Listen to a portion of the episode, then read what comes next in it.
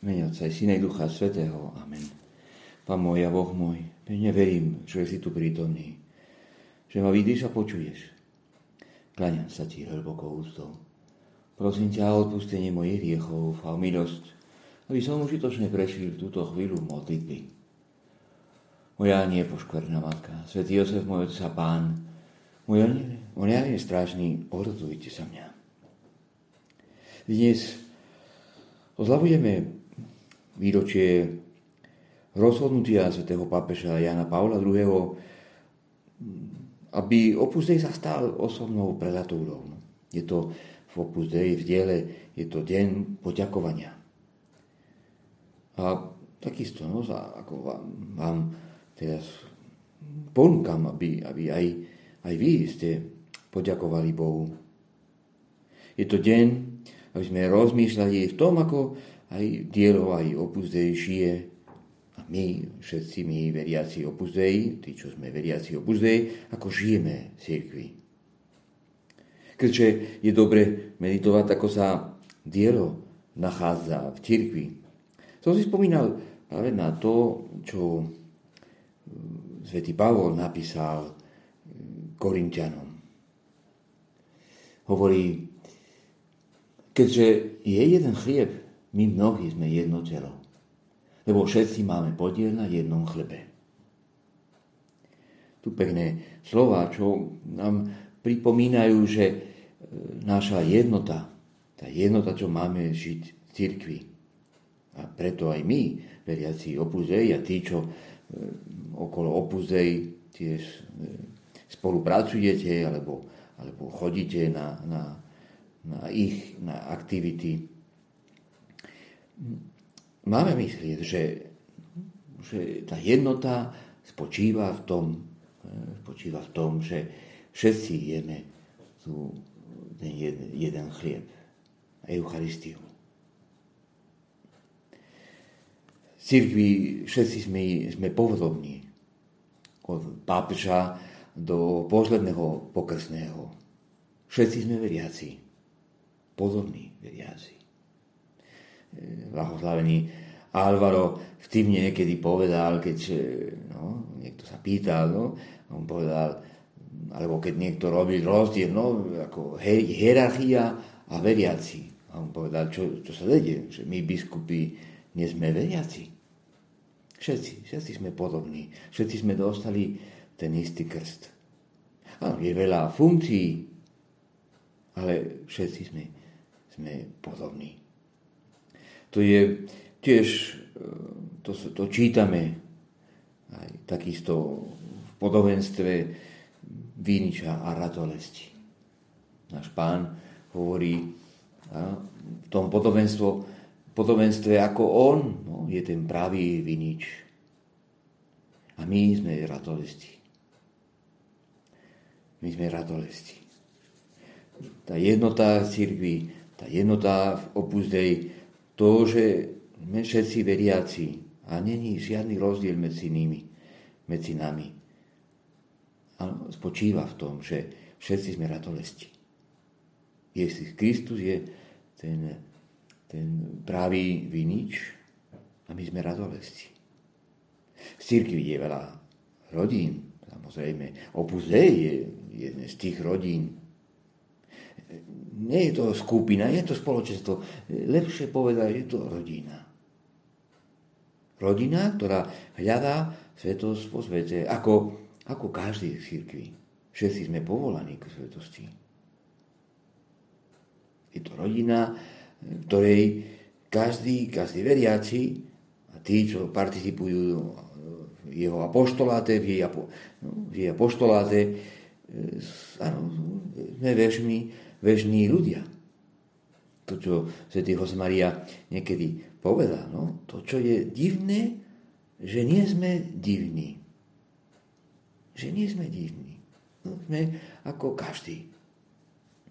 A on mi často povedal, no, máme a chceme slúžiť církev, ako ona chce, aby sme jej slúžili. Dnes, keď meditujeme a poďakujeme za to, že, že sme dostali, alebo sme už vtedy sa nachádzame v tom, v tom pravom, pravom mieste, ako je tá osobná prelatúra, tá štruktúra církvy, tá hierarchická štruktúra. No. Dnes, keď ďakujeme, je dobre zároveň aj myslieť, ako ja sa modlím za, za církev, za pápeža, za biskupov, za všetkých z církvy, za všetkých v diele v Opus Dei. Ako sa snažím aj spolupracovať, ako sa snažím aj rozšíriť ten, e, to posolstvo Opus Dei, čo zároveň nič, ako nič, nie, nie, tam nie nič, není nič e, zvláštne, všetko sa nachádza v Evangeliu. Svetý Maria veľmi často používal aj tak, no, tento výraz. No, nové ako evanelium, staré ako evanelium. Ako slúžime církvi. Ako sa snásime e, sa modliť. Ako spolupracujeme s, s ďalšími veriacimi. Ako napríklad v našej farnosti sme aktívni ako ten náš apostolát, ehm, dá sa povedať, že, že je to služba, ako je to služba pre, pre, pre celé, samozrejme pre celú církev, ale aj pre celé stvorenie. Svetý Jose Maria mm, veľmi, veľmi často no, povedal, že mm, že ako Boh povoláva všetkým. Nerobí, nerobí rozdiel. Chcem, chcem práve prečítať no, to, čo on mm, povedal no, v tej homilii, tej známej homilii, čo sa nachádza v knihe Rozhovory. Homilia, ktorá sa volá Vrúzne milovať svet. Sa povedal, že je to homilia, v ktorej Sv. Maria sa snaží vysvetliť tá správna laická e, mentalita. A hovorí tam, nepochybujte o tom, že, deti moje, akýkoľvek únik pred postivými každodennými skutočnosťami je vo vašom prípade mužov a žien zo sveta v rozpore s Božou Bohou. To, čo snaží no, opúsť jej povedať všetkým, je, že, že nemáme, nemôžeme, nemôžeme utiekať z tej, z tej, z tej skutočnosti, že my žijeme vo svete. Naopak pokračuje, teraz musíme s novou istotou pochopiť, že Boh vás volá, aby ste mu slúžili civilných, svetských a hmotných činnostiach ľudského života. V laboratóriách, na operačnom sále nemocnice, v kasárniach, na katedre univerzity, v továrni, v dielni, na poli, doma. A v každej z tohto obrovského množstva prác na nás každý deň čaká Boh. Dobre myslieť. Je dobre myslieť, či skutočne tomu verím. Že tam je pôsobím. Na mňa čaká Boh. A na mňa čaká Boh, aby som ja rozšíril jeho, jeho posolstvo. Nie inej cesty, deti moje, pokračuje.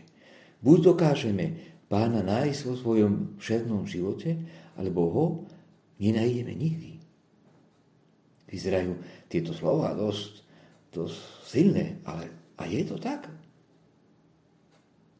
Je to tak, lebo nemôžeme nikam ísť. Nemôžeme utiekať.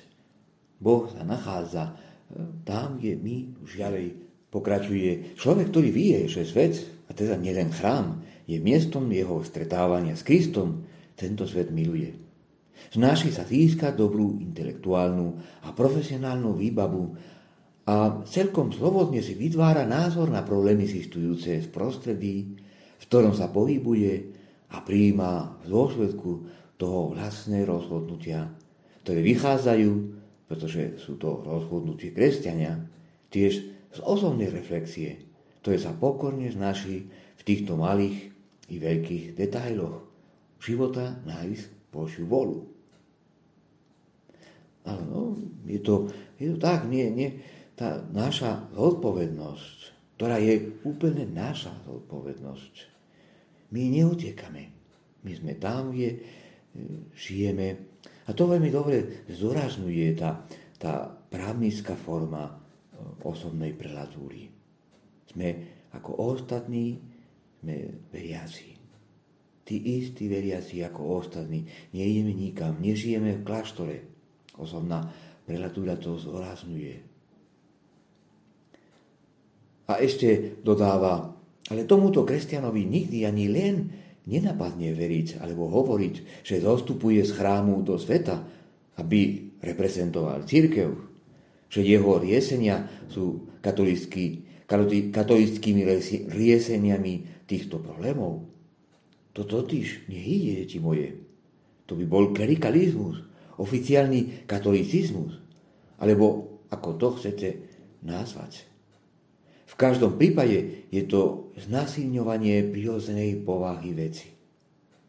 Musíte všade šíriť opravdivú laickú mentalitu, ktorá vedie k trom záverom.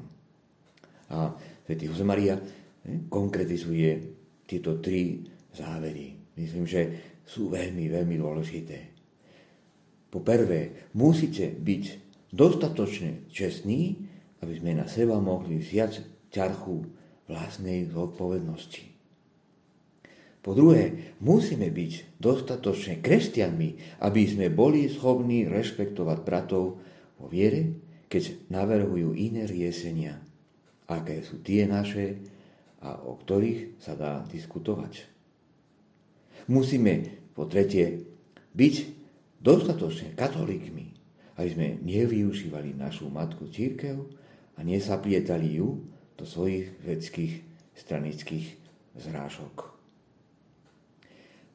Tak to končíme s tými troma bodmi, s tými troma myšlienkami. Sú veľmi dôležité. Myslím, že sa to platí ako nad tým rozmýšľať a naozaj myslieť, že my, kresťania ako všetci, máme veľkú, obrovskú zodpovednosť. Poprosme nášho pána, aby sme takto prežili. My sme si uvedomili, že, že Boh že nás, nás poslal tam, sme teraz, tam, kde teraz pôsobíme, nám poslal, aby sme dali príklad tejto laickej mentality. Poprosme aj takisto našu matku, pánu Máriu, o pomoc. aby sme boli tie veriaci, čo áno, Boh povolal a Boh poslal. Ďakujem ti, Bože môj, za dobre presavzatia, naklonnosti a vnúknutia, ktoré si mi daroval v tomto rozímaní. Prosím ťa o pomoc, aby som ich aj uskutočnil.